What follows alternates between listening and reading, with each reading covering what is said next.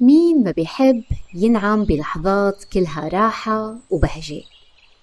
مين ما بيحلم بالحصول على السعادة.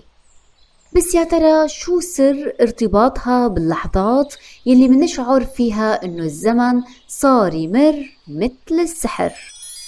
وبنشعر إنه عنا قدرات كبيرة والإبداع بيصير ألف. بهالحلقة رح نكتشف سوا مفهوم التدفق. هالحالة المذهلة اللي بيكون الإنسان مغمور فيها بالكامل ومنغمس بالنشاط يلي عم يمارسه. كيف ممكن تكون هالحالة يلي قد تبدو بسيطة مصدر للسعادة؟ شو أهميتها بحياتنا وشو الفوائد يلي ممكن تخسريها إذا ما جربتي وعشتي بهالحالة هي؟ وكيف ممكن تعيشي فيها؟ ويا ترى كيف أثبت العلم بالدراسات والتجارب يلي امتدت لسنوات وأجريت بين ثقافات وبلدان مختلفة بأنه السعادة تكمن بالتدفق. بهالحلقة رح نكتشف كل هالأسرار. تابعوني. معكم الأخصائية النفسية سارة فرعون بشارككم من خبرتي وقراءاتي ضمن بودكاست تكتيكات حياتية. هدفي نشر الوعي بأهمية الاهتمام بجانبك النفسي حتى تكوني أكثر راحة وسعادة. مواضيع جديدة ومتنوعة وبعتمد بشكل أساسي على أبحاث ودراسات أجنبية حديثة. عنوان حلقة اليوم التدفق سر من أسرار السعادة.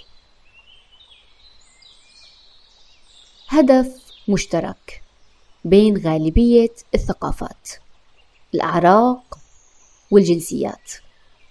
تقريبا من أول ما خلق الإنسان وهو عم يبحث ويحاول ليحقق هالهدف هاد. الفلاسفة والعلماء القدماء بحثوا كتير عنه وحاولوا يطلعوا بدراسات أجروا تجارب لحتى يقدروا يتعرفوا على مصدره ويكشفوا سره. السعادة ناس قالوا السعادة بالمال ناس قالوا إنها بالقوة بالأسرة والعائلة وفي ناس قالوا إنها بالحب كل هالأشياء صحيحة وممكن فعلا تجيب لنا السعادة لكن هل حتكون السعادة دائمة؟ تأثيرها طويل الأمد؟ بعد دراسات وأبحاث طويلة بهالمجال عالم النفس ميهالي كرس كل حياته تقريبا لدراسة التدفق.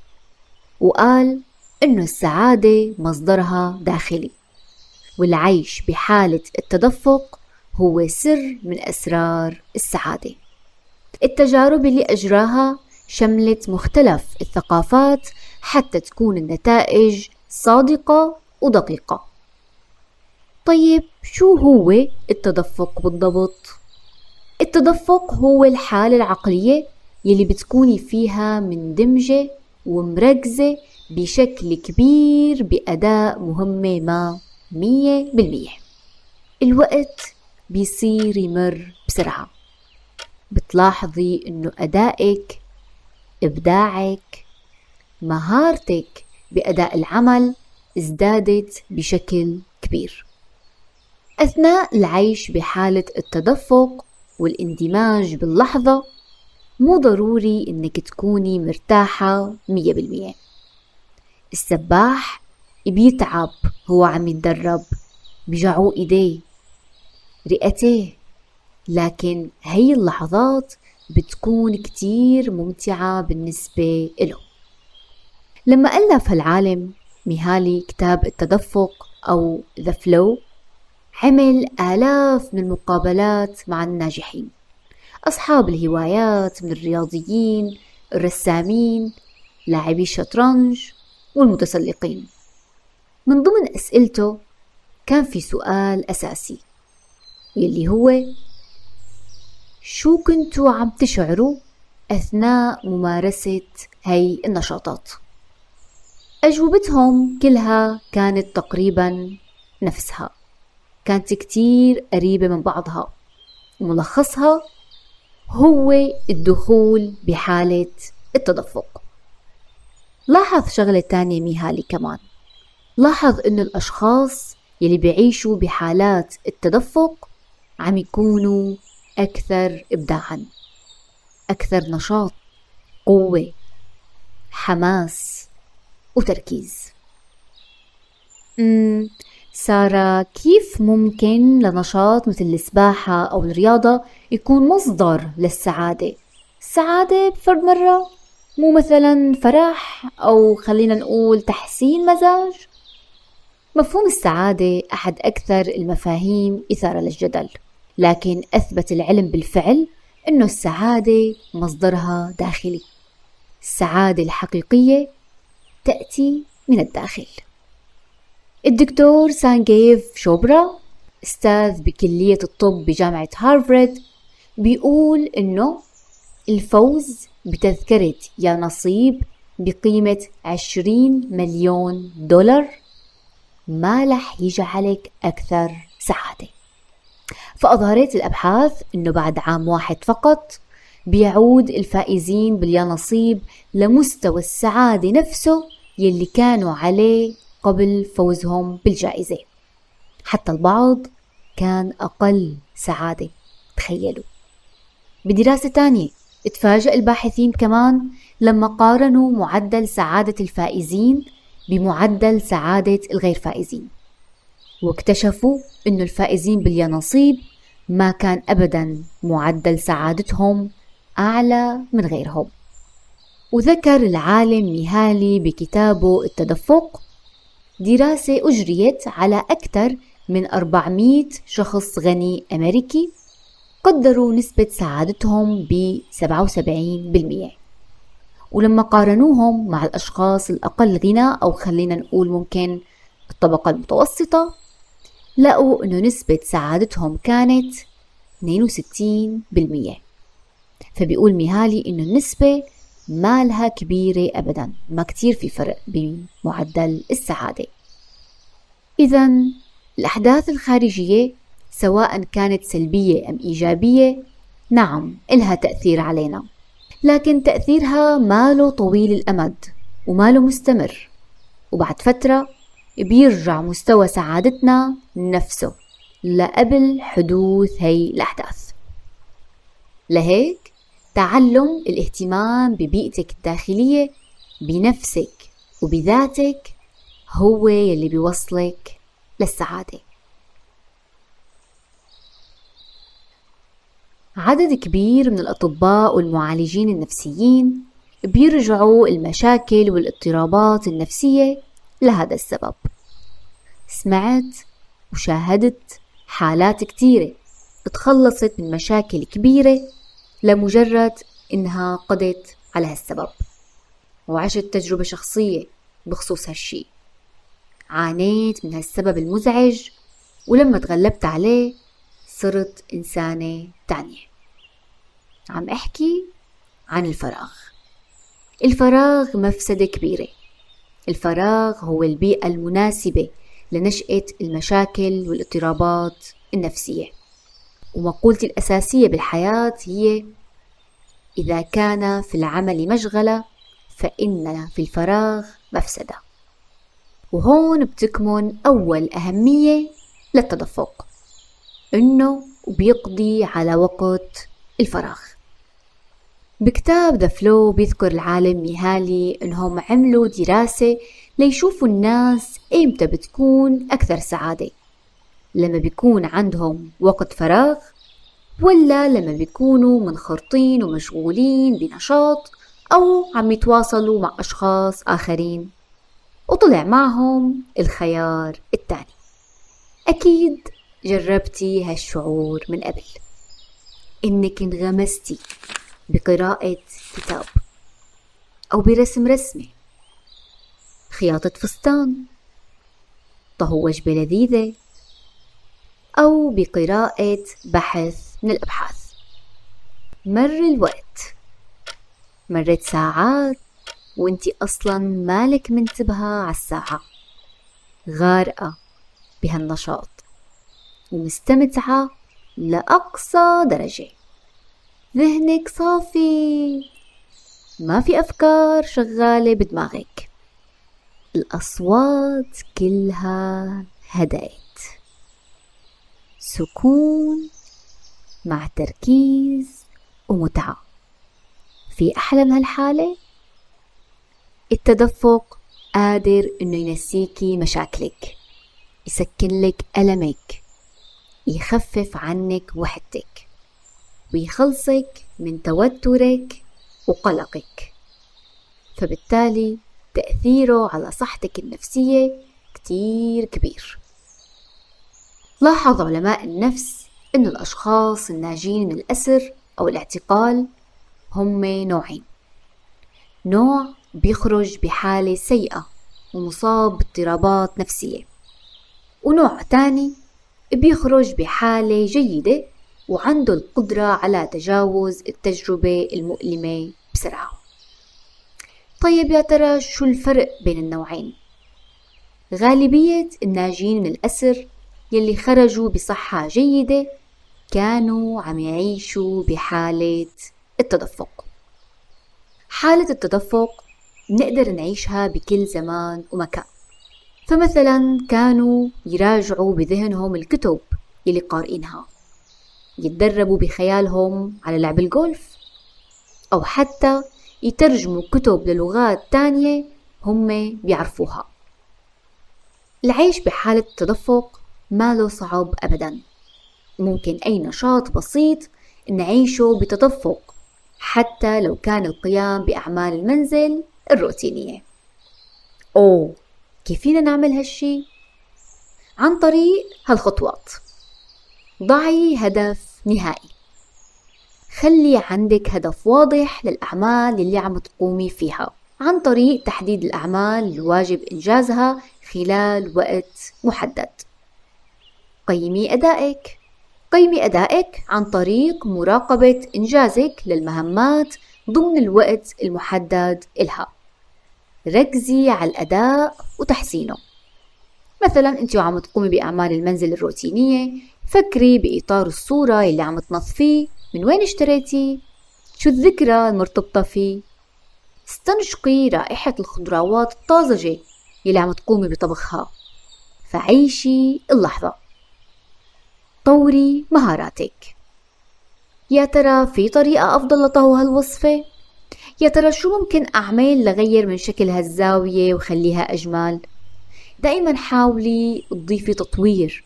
دائما حاولي تطوري مهارتك المرتبطة بالنشاط يلي عم تمارسيه. وأخيرا ارفعي من مستوى المهمة.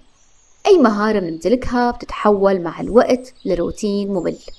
بتتحول لروتين ممل إذا ما قمنا بتطويرها وصار فيها تحدي جديد.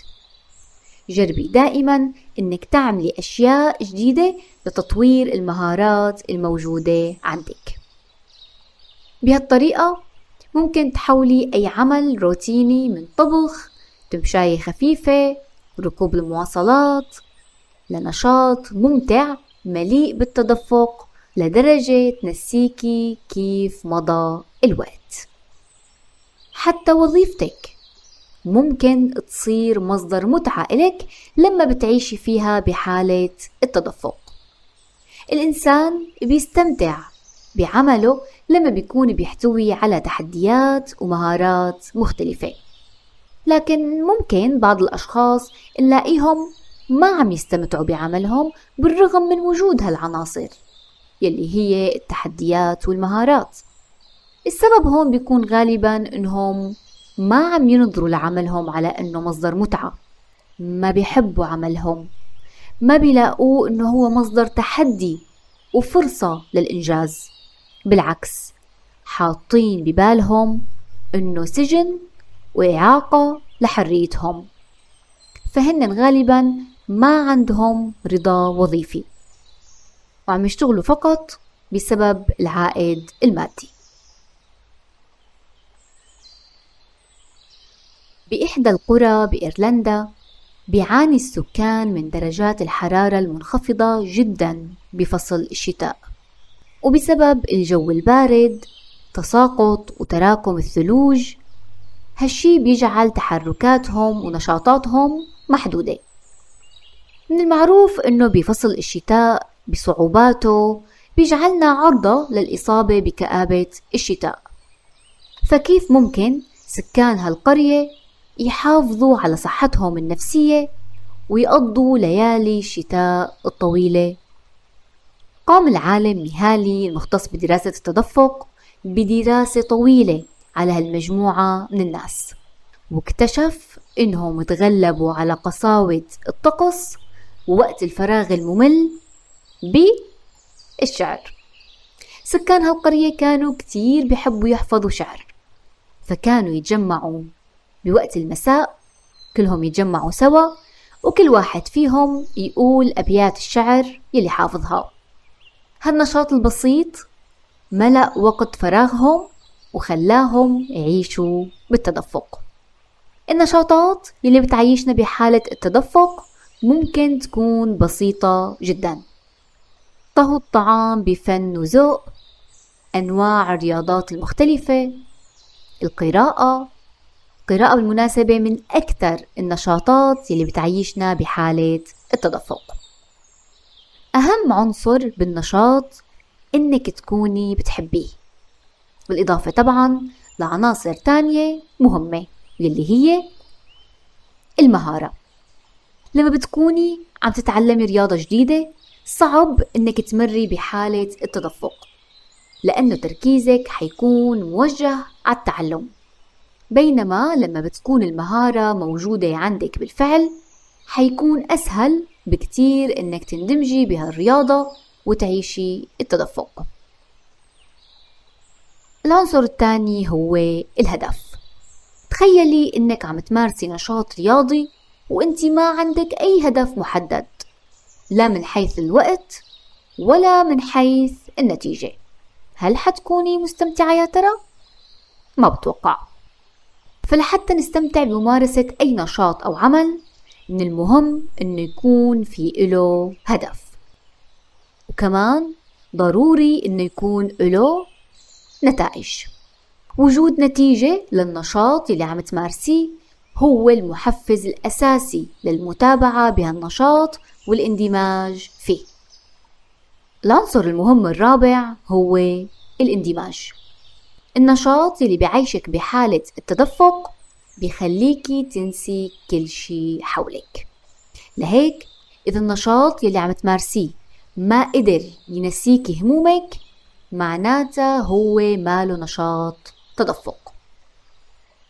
والعنصر الأخير هو فقدان الإحساس بالوقت. وهذا هو أروع جزء بالتدفق.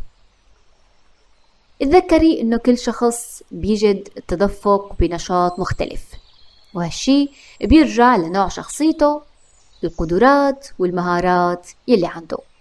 ابحثي عن النشاط يلي بيناسبك وابدأي التدفق. يمكن البعض يكون عم يخطر له سؤال. سارة مشاهدة المسلسلات الأفلام تصفح السوشيال ميديا ما له نوع من أنواع التدفق؟ الوقت مو بس بيطير بيتبخر كمان وخاصة لما بنكون عم نتصفح وسائل التواصل. أم بدي أسألك سؤال. بعد ما تقضي وقت طويل وإنتي غرقانة بمواقع التواصل أو بمسلسل. كيف بيكون شعورك بعد ما تنتهي من هالنشاط؟ غالبية الناس عبروا عن شعور بالضيق.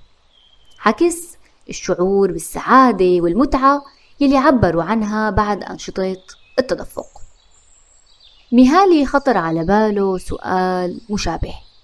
يا ترى الناس بيكونوا مستمتعين أكثر لما بيكونوا عم يقوموا بنشاط بيتضمن أجهزة وفيه استخدام للكهرباء ولا لما بيكون النشاط خالي من هالأشياء؟ ما كذب خبر. عمل تجربة. جاب مجموعة من الأشخاص وطلب منهم أنه كل ما يشعروا بالسعادة بنشاط ما خلال يعني حياتهم اليومية يسجلوا هالنشاط أو الشيء اللي عملوه وخلاهم يشعروا بهالشعور. بالإضافة لتقييم هذا الشعور. فكان شعور بالسعادة أو المتعة له مستويات. مثلا تسعة من عشرة سبعة من عشرة وهكذا. وجد ميهالي إنه الناس كانوا سعداء أكثر لما عم يكون النشاط بسيط. وكل ما كان النشاط بيحتوي على عدد أقل من الأدوات الكهربائية والأدوات بشكل عام كانوا أكثر سعادة مثل القراءة الخياطة المشي بالحديقة الاعتناء بالحديقة أو حتى التحدث مع شخص آخر مع شخص بتحبيه. هالنشاطات هي جلبت شعور بالمتعة والسعادة للمشاركين أكثر من باقي النشاطات مثل اللعب بالجيم مشاهدة التلفاز أو حتى قيادة السيارة. أحد الأسباب اللي بتخلي تصفح ال social media والأفعال الشبيهة فيها ما تعتبر من أنشطة التدفق لأنها ما بتحتوي على مهارة بل بالعكس عم نشوف أشخاص ممكن عندهم مهارات أحسن من مهاراتنا عندهم شهرة عندهم مال كيف بدنا نشعر بالتدفق ونحن عم نشوف أشخاص أحسن منا لهيك من الجيد إنك تعيدي التفكير بالوقت اللي عم تقضيه على ال social media. اتذكري إنه ممكن بدل ما تتابعي حياة الآخرين وكيف عم يقضوا وقتهم وبدل حتى ما تكسبيهم مال وخاصة لما بيكون المحتوى سخيف تقدري تتعلمي مهارة تستمتعي فيها وكمان مع الوقت ممكن تصير مصدر دخل إليك. في مقولة حلوة ذكرها العالم ميهالي بالكتاب The normal state of the mind is chaos. الحالة الطبيعية للعقل هي الفوضى. مهام مؤجلة مشاكل قلق من المستقبل خوف من الماضي أفكار أفكار أفكار. لهيك غالبية الناس بفضلوا يقضوا وقتهم بمشاهدة التلفزيون أو تصفح مواقع التواصل حتى يتخلصوا من هي الفوضى وما يفكروا فيها. فهن بيكونوا عم يهربوا من الوقت بدل ما يستغلوه. حتكون مهارة فعالة ورائعة لما تتعلمي ترتبي عالمك الداخلي وتغلقي هالأصوات باستخدام التدفق. هالشي بيشجعك إنك تتعلمي تستغلي وقتك وتستفيدي من مهاراتك وتتعلمي مهارات جديدة وتمارسي نشاطات مختلفة. وهيك بتكوني بدل ما تهربي من الوقت بتحاولي تنفقيه وتستغليه بشي مفيد. غالبا بنعيش أقصى درجات السعادة بعد التعب. التعب الحلو. التعب الحلو يلي بيكون بعد الانتهاء من تمرين رياضي. إنهاء بحث ما. أو طهو وجبة لذيذة ونادرا ما نكون سعداء بعد الشعور بالكسل أو الملل. التدفق هو مفتاحك لاكتشاف أعمق إمكانياتك ولتحقيق حياة مليئة بالسعادة والإنجاز. ابحثي عن نشاطاتك المفضلة واسمحي لنفسك بالانغماس فيها. لا تخافي من إتقان وتعلم مهارات مختلفة أو الخوض بتحديات جديدة. فبهاللحظات بيكمن الإبداع المتعة والسعادة. بتمنى تكون عجبتكم حلقة اليوم. تقدروا تخبروني رأيكم عن طريق صفحة تكتيكات حياتية على الفيسبوك اليوتيوب أو الإنستغرام. إما عن طريق تعليق أو رسائل الصفحة. ولا تنسوا تعملوا اشتراك أو متابعة ولايك للحلقة. تقدروا كمان تحجزوا معي استشارة عن طريق رسائل الصفحة.